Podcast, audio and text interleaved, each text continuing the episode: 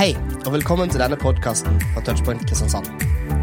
Denne talen er spilt inn på et av våre møter, som er hver torsdag klokka halv åtte.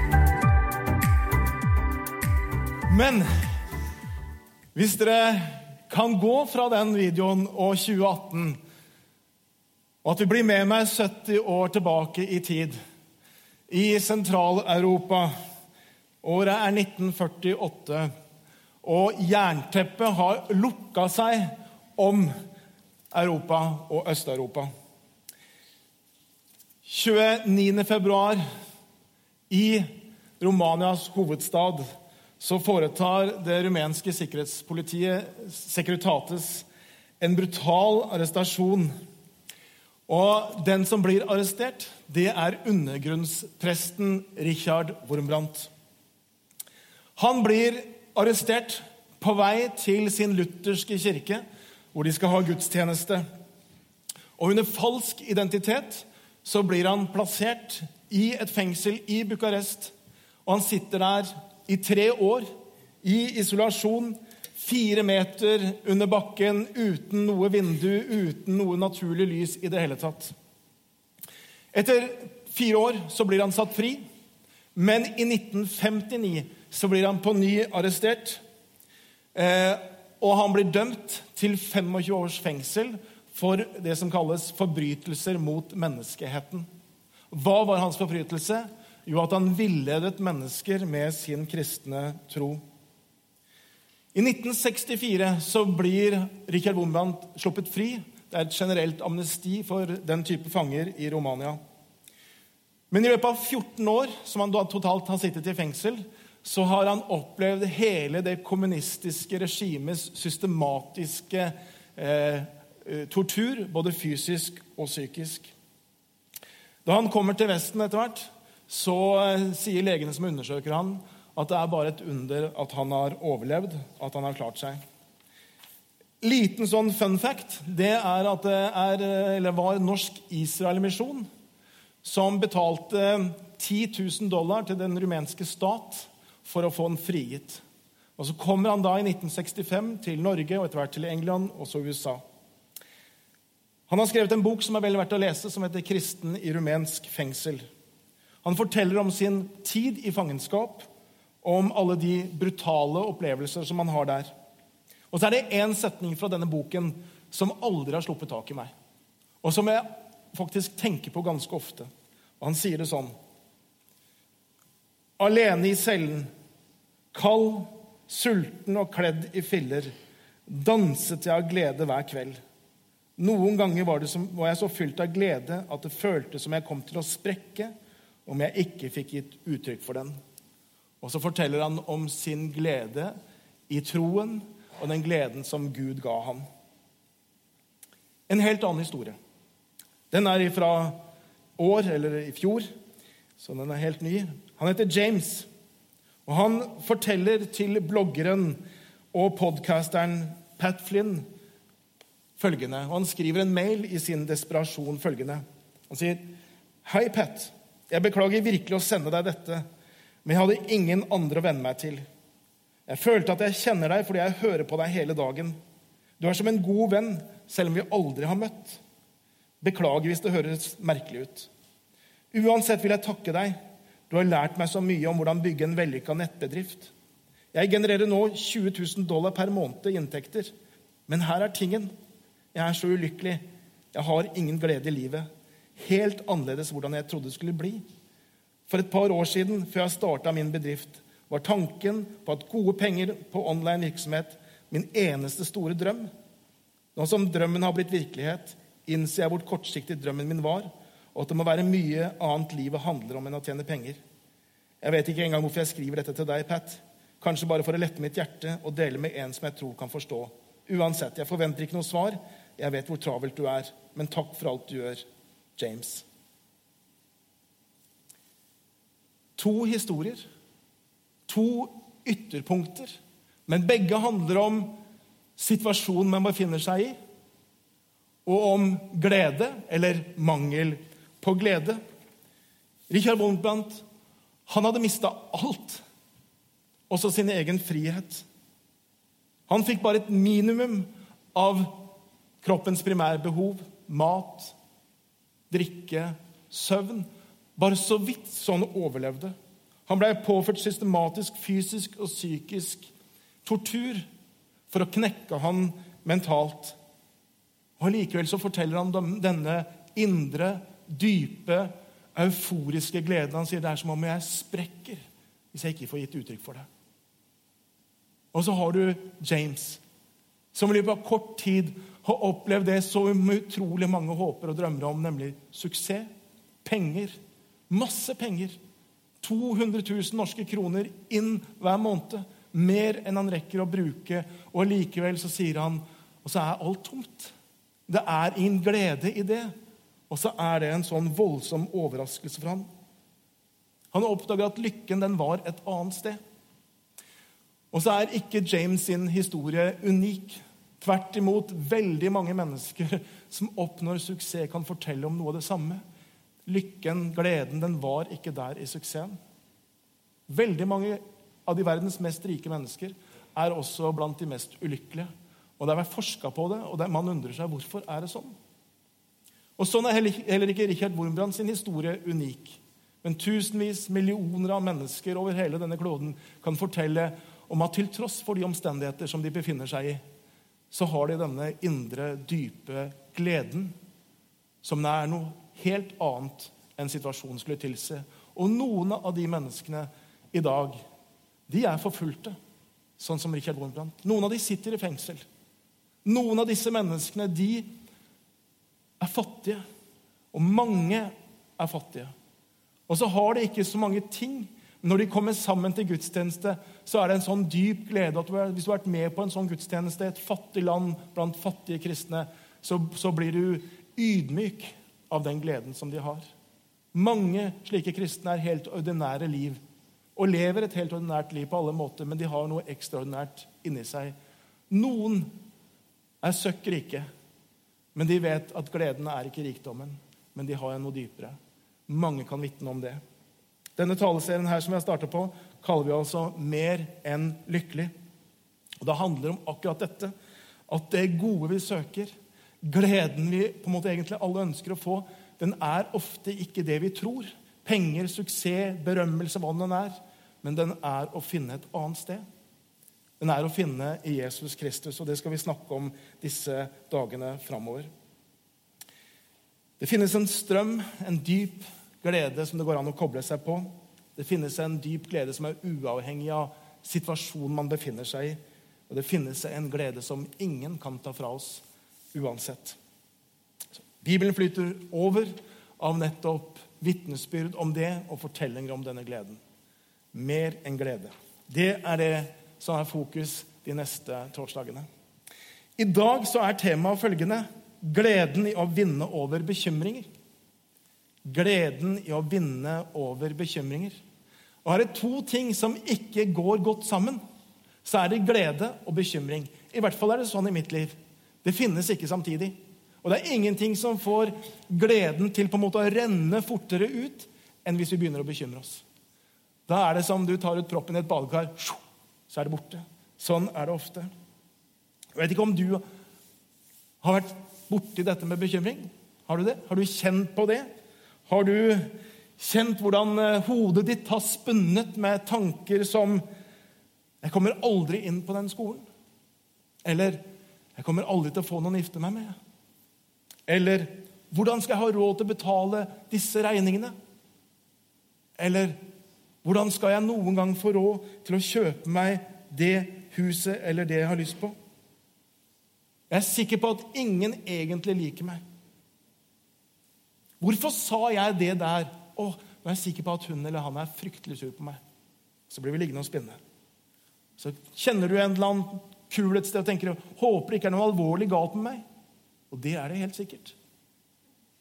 Og så holder vi det gående. Så ligger vi våkne, så får vi ikke sove. Tankespinn som blir mørkere og mørkere og mer og mer negativt. Klumpen i magen som vokser. Det kjennes nesten ut som det er et sånt dyr som har flytta inn der nede. Som lever sitt helt eget liv. Noen som vet hva jeg snakker om? Vi er forskjellige. Og noen er nok skrudd sammen, sammen sånn litt fra naturens side at man har et veldig lyst sinn, og man tar ting veldig enkelt. Og så sier man når man møter en eller annen utfordring en eller vanskelighet Det der, det ordner seg. Ja, ja, det går nok bra, skal du se. Og noen er sånn. Jeg hadde noen kamerater som var sånn, og jeg var så misunnelig på dem.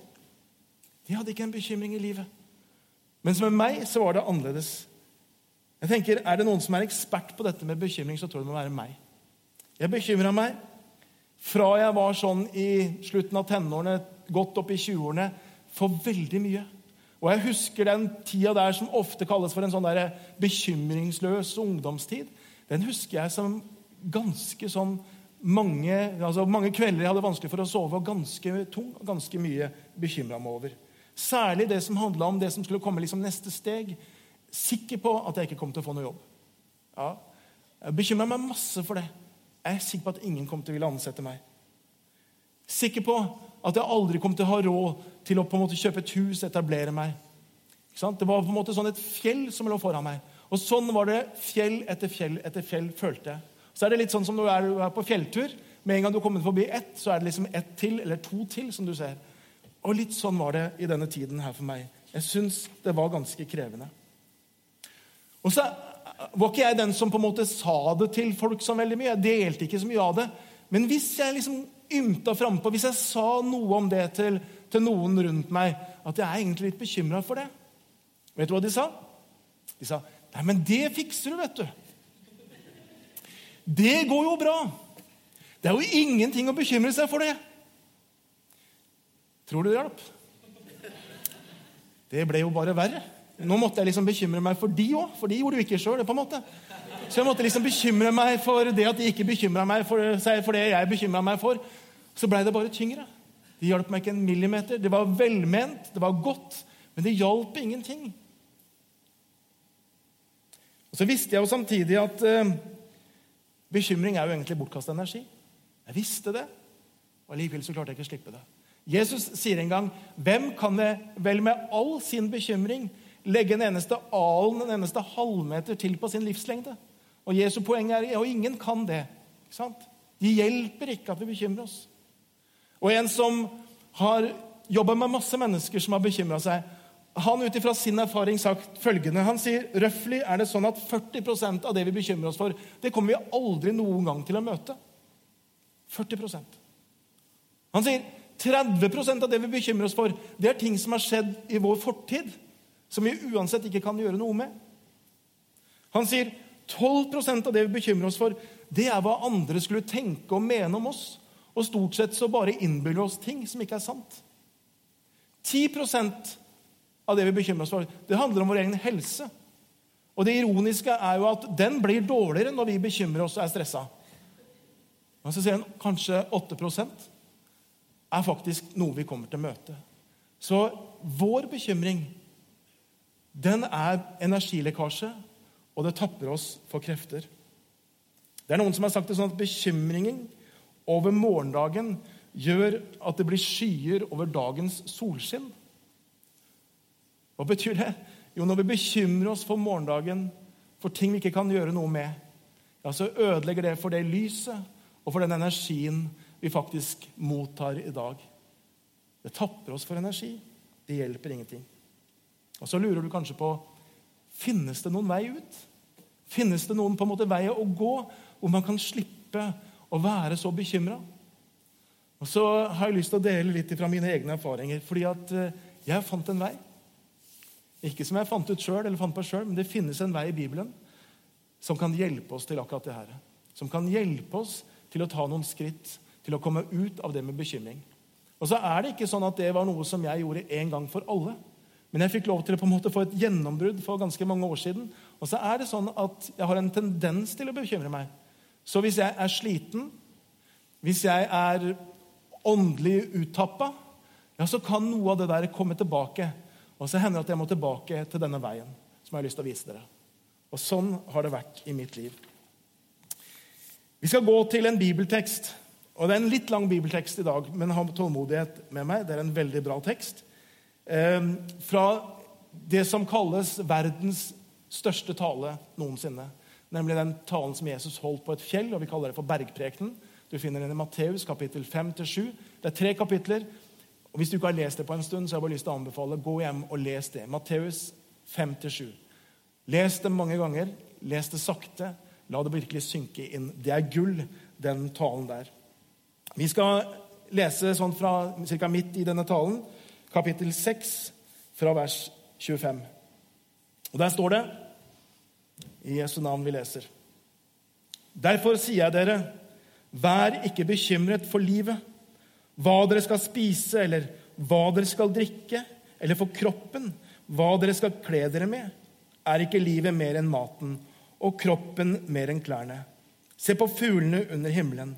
De sår ikke, de høster ikke og samler ikke hus, men den far dere har i himmelen, gir dem føde likevel. Er ikke dere mer verdt enn de? Hvem av dere kan vel med all sin bekymring legge en eneste alen til av sin livslengde? Og hvorfor er dere bekymret for klærne? Se på liljene på marken, hvordan de vokser. De strever ikke og spinner ikke. Men jeg sier dere, selv ikke Salamo i all sin prakt var kledd som en av dem. Når Gud kler gresset på marken så fint, som gror i dag og kastes i ovnen i morgen, hvor mye mer skal han ikke da kle dere, dere lite troende? Så gjør dere ikke bekymringer og si ikke 'Hva skal vi spise?' eller 'Hva skal vi drikke?' eller 'Hva skal vi kle oss med?' Alt dette er hedningene opptatt av. Men den far dere har i himmelen, vet at dere trenger alt dette. Søk først Guds rike og hans rettferdighet, så skal dere få alt det andre i tillegg. Så gjør dere ingen bekymringer for morgendagen, Morgendagen skal bekymre seg for seg selv. Hver dag har nok med sin egen plage. Jesus sier i denne teksten flere ganger, egentlig igjen og igjen, 'Vær ikke bekymret'. Og Så sier han ikke det på en sånn måte sånn 'Skjerp deg'. Vær ikke bekymra. Men han sier det som en invitasjon. Du trenger faktisk ikke være bekymra. Og så gir han noen steg på den veien som vi kan gå, sånn at faktisk vi kan erfare det. At Gud løser oss fra bekymringen. Og Det første jeg har lyst til å peke på, det er at Jesus han sier 'se det større bildet'. Se det større bildet. Jesus står der, og så peker han rundt seg. Tenk han står der i naturen, og så peker han rundt seg. Og så sier han, se på fuglene under himmelen. Se på liljene på marken. Se gresset som gror. Han peker på det som er rundt seg. Se det større bildet. Og Her på grunnteksten så brukes et uttrykk for å se, som betyr å ikke bare liksom la blikket fare forbi, men virkelig undersøke det. Se nøye. Studer det. Tenk, finn ut av dette. Virkelig se. Vi inviteres med andre ord til å løfte blikket, til å få et større bilde og et større perspektiv. Og det tror jeg faktisk er en nøkkel når det gjelder dette med bekymring. I vår tekst stiller også Jesus et spørsmål. Er ikke livet mer enn mat? Er ikke kroppen mer enn klær? Og jeg tenker, Det spørsmålet trenger også vi å stille inn i det som vi bekymrer oss for. Er ikke livet mer enn den lille tingen som vi bekymrer oss for? For det er faktisk sånn at Noe av det som bekymring gjør, det er det at perspektivene kommer helt ut av eh, proposisjon. Den derre lille tingen som vi ikke har kontroll på, eller den lille vanskeligheten som vi ikke på en måte vet hva vi skal gjøre med, den lille tingen får jo all vår oppmerksomhet. Og så blir vi så nærsynte, og så får vi tunnelsyn. Og så blir vi kanskje til og med selvopptatte midt oppi det der. Og så ser vi ikke resten av livet. Jeg tenker Det er noe av det bekymring gjør. Vi får tunnelsyn. Og så tenker vi ikke at faktisk så er livet alt dette andre. Hvis det er jobb, søknaden du er bekymra for, så er faktisk livet mer enn jobbsøknaden. Det er mer. Hvis det er den økonomiske eller den regninga eller det du ikke kan kjøpe, så er livet så mye mer enn akkurat den tingen der. Og det å på en måte utvide det perspektivet, at du har mer, det er viktig. En annen måte å få et utvida perspektiv som har hjulpet meg mye, det er jo å møte mennesker, og ikke minst kristne, fra andre land og andre kulturer som opplever helt andre livssituasjoner. F.eks.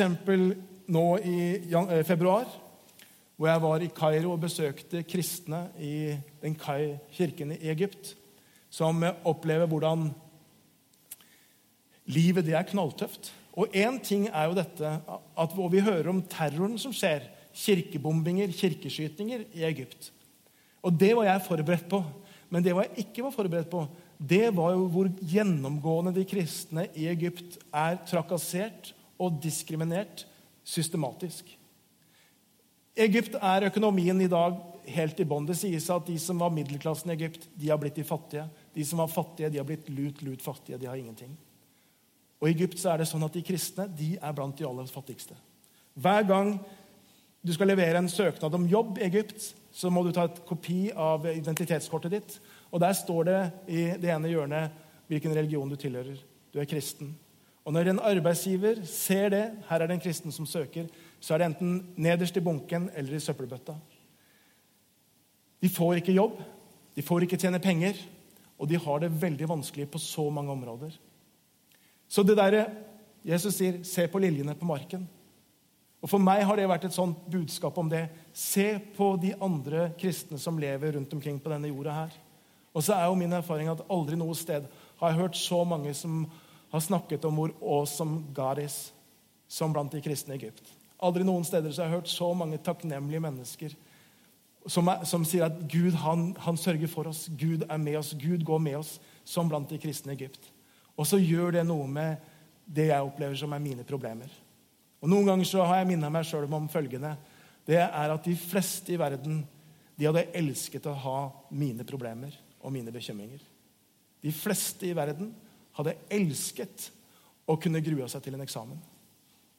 De fleste i verden hadde elsket å kunne hatt et banklån å betale for huset de eier.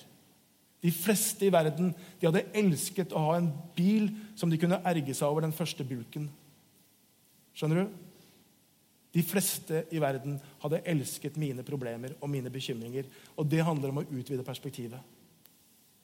Se, sier Jesus. Se på liljene, se på fuglene, se på gresset. Utvid perspektivet. Ikke la det bli det ene lille som overskygger alt. Så Det er det første punktet. Se det større bildet. Det andre som Jesus minner disiplene på her, det er dette som har med Guds omsorg å gjøre. Husk på Guds omsorg. Husk på hvem Gud er. Husk på hvordan Gud elsker dere. Og Jesus sier det mange ganger i disse versene her. Han sier, 'Se på fuglene under himmelen'. Og så kommer det videre, 'Med den far dere har i himmelen, gir dem føde likevel. Er ikke dere mer verdt enn de?' Han sier videre, 'Når Gud kler gresset på marken så fint', hvor mye mer skal han ikke da kle dere? Og videre, men den far dere har i himmelen, vet at dere trenger alt dette. Og så minner Jesus disiplene på dette. Dere har en far i himmelen. Han vet at dere trenger klær og drikke og alle de tingene som dere er bekymra for. Hvor mye mer er ikke Gud en som ønsker å serve dere? Han som server fuglene, liljene, gresset osv. Det må jeg minne meg på mange ganger. Hvis du har lest Det gamle testamentet noen gang, så har du sett et folk, et gudsfolk, Israel, som stadig vekk opplevde at de kom i vanskeligheter og problemer, og som hele tiden konstant glemte at Gud hadde gjort det gode for dem. Og så er det en profet eller en leder som reiser seg opp, som står opp, og som sier, 'Husk på, jeg førte Abraham ut av Urikaledea. Husk på, ikke glem, at jeg førte israelsfolket ut av Egypt. Husk på at jeg hjalp dem inn i det lovede landet.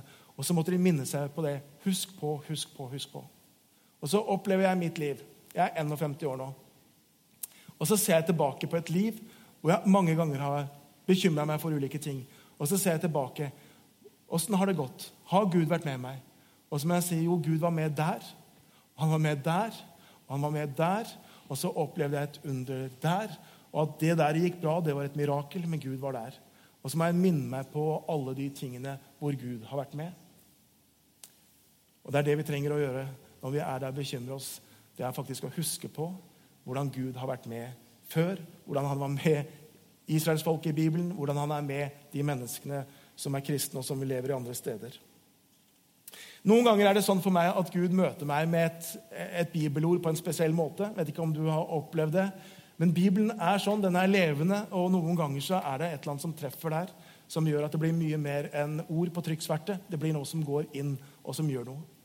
Og et sånt ord for meg, det finner vi i første Peters brev, kapittel 5 og vers 7. Og hør på dette. Kast alle bekymringer på Han, for Han har omsorg for dere. Kast alle bekymringer på Han, for Han har omsorg for dere. Og Jeg gikk på teologisk seminar på Ansgarskolen den gangen. når jeg, dette ordet traff meg, og jeg, hadde, jeg vet jeg hadde hørt det før. Jeg er ikke sikker på at jeg likte det engang når jeg hørte det. For jeg syns faktisk at det der å skulle liksom kaste bekymringene vekk, på en måte, det var litt sånn uansvarlig. Skjønner du? Jeg, jeg, jeg følte liksom at jeg må jo ta ansvar. Jeg kan ikke bare kaste det vekk.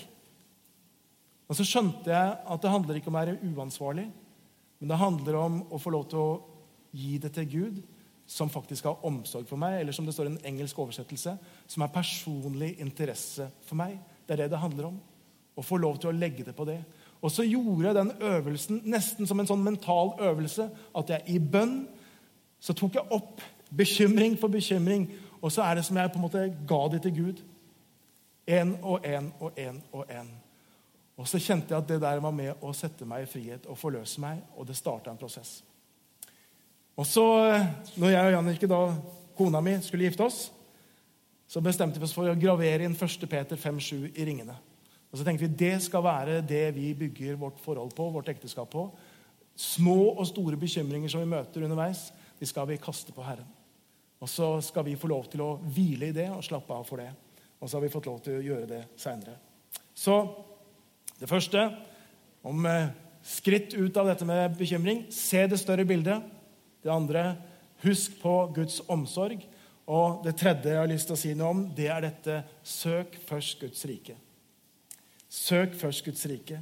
For det står her, midt i denne, i denne teksten som vi leste um, Om bekymring så står en formaning som nesten kan virke litt sånn malplassert, på en måte. Passer det inn her, da? For det står da i det vi leste Søk først Guds rike og hans rettferdighet, så skal dere få alt det andre i tillegg. Noen opplever at Bibelens anliggende om å sette Gud først, om, sånn som det første av de ti bud sier, om å ikke ha andre guder enn Gud Sånn som Jesus sier her, søk først Guds rike. Eller sånn som Jesus snakker om et annet sted, at skal du ha et evig liv, så handler det om å elske Herren din Gud av hele din sjel og all din kraft og din forstand. Ikke sant? Noen opplever at, at det er et sånt vanskelig del av evangeliet. At det blir på en måte som om Gud blir litt sånn liten. hvis du skjønner hva jeg mener. Som om han blir litt sånn maktsyk, sjalu, misunnelig, som skal fjerne all konkurranse på et vis. Og Det var en som sa det sånn at hvis nå Gud er Gud, og det er ingen andre guder enn Gud, hvorfor i alle dager må han da be oss om ikke ha noen andre guder enn han? Og så sa han det der syns jeg var et lite gjennomtenkt bud. Og Så kan man lure på det. Hvorfor er det sånn? Og Lenge så ble jeg litt sånn svar skyldig. Men så skjønte jeg i hvert fall at én perspektiv i dette, én del av dette, det er at vi trenger det. Vi trenger faktisk, for vår del, for å leve godt som menneske og for å ha det godt og ikke ende inn i usunne bindinger eller dyrke feil ting, så trenger vi at Gud er nummer én i vårt liv. Vi trenger å søke først Guds rike, sånn at Gud kan være Gud. Og at det er bare Han vi tilber og dyrker. Og alt annet vi plasserer der, det kommer til å ødelegge oss eller våre relasjoner. Ja, det er nesten en helt annen preken. Men sånn er det. Så Derfor så passer det. Det er nøyaktig her det må stå. For skal på en måte det steget for å slippe bekymring, det handler om å la Gud være Gud. Og at du og jeg slipper å være det. Når vi lar Gud være Gud, ja, så kan vi faktisk slappe av. Og bekymring handler noe om det. Og på et eller annet vis ønske å kontrollere det som vi ikke kan kontrollere. Ønske på et eller annet vis å kontrollere vår framtid. Kontrollere det som skjer foran der et sted. Det kan vi ikke kontrollere. Det er det bare Gud som kan gjøre noe med.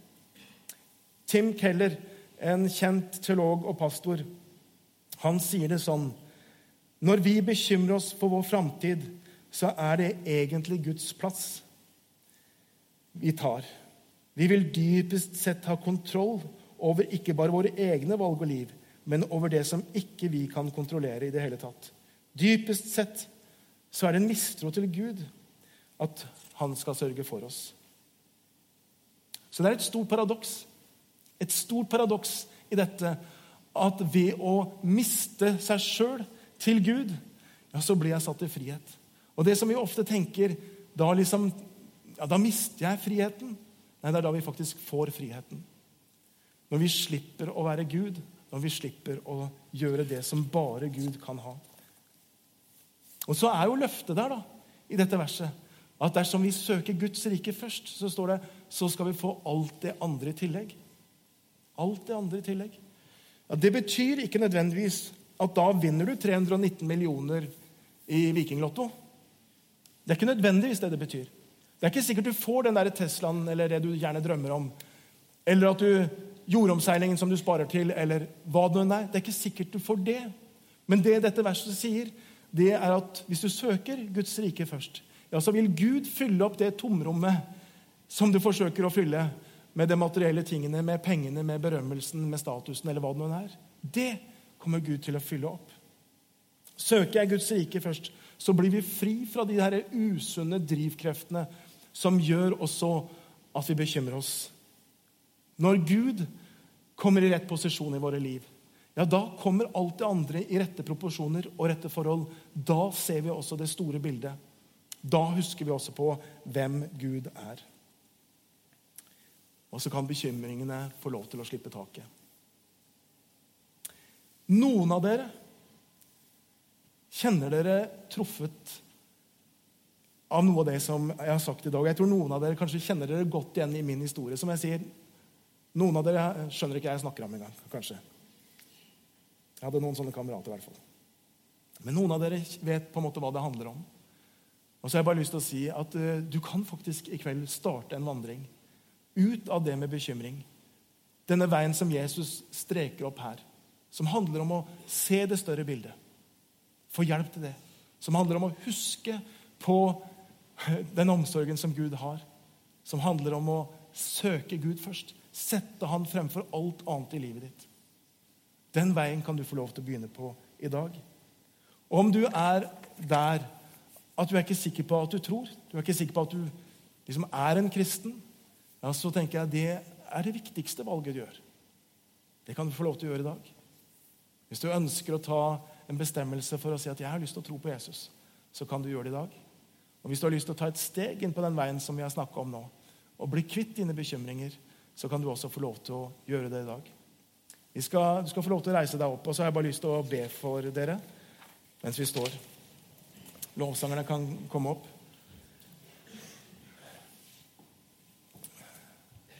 Kjære Jesus Kristus, jeg takker deg for at, at du viser oss en Gud, du viser oss en far som har så enorm kjærlighet for oss.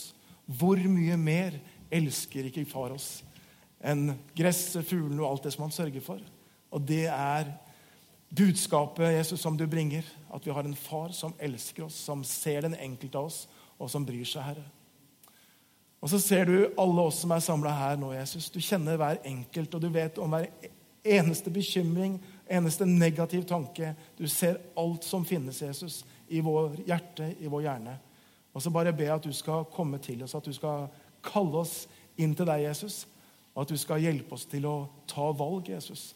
Sånn at vi kan leve også det liv som du ønsker at vi skal leve. At vi kan sette deg først her i våre liv. At vi kan se det større bildet.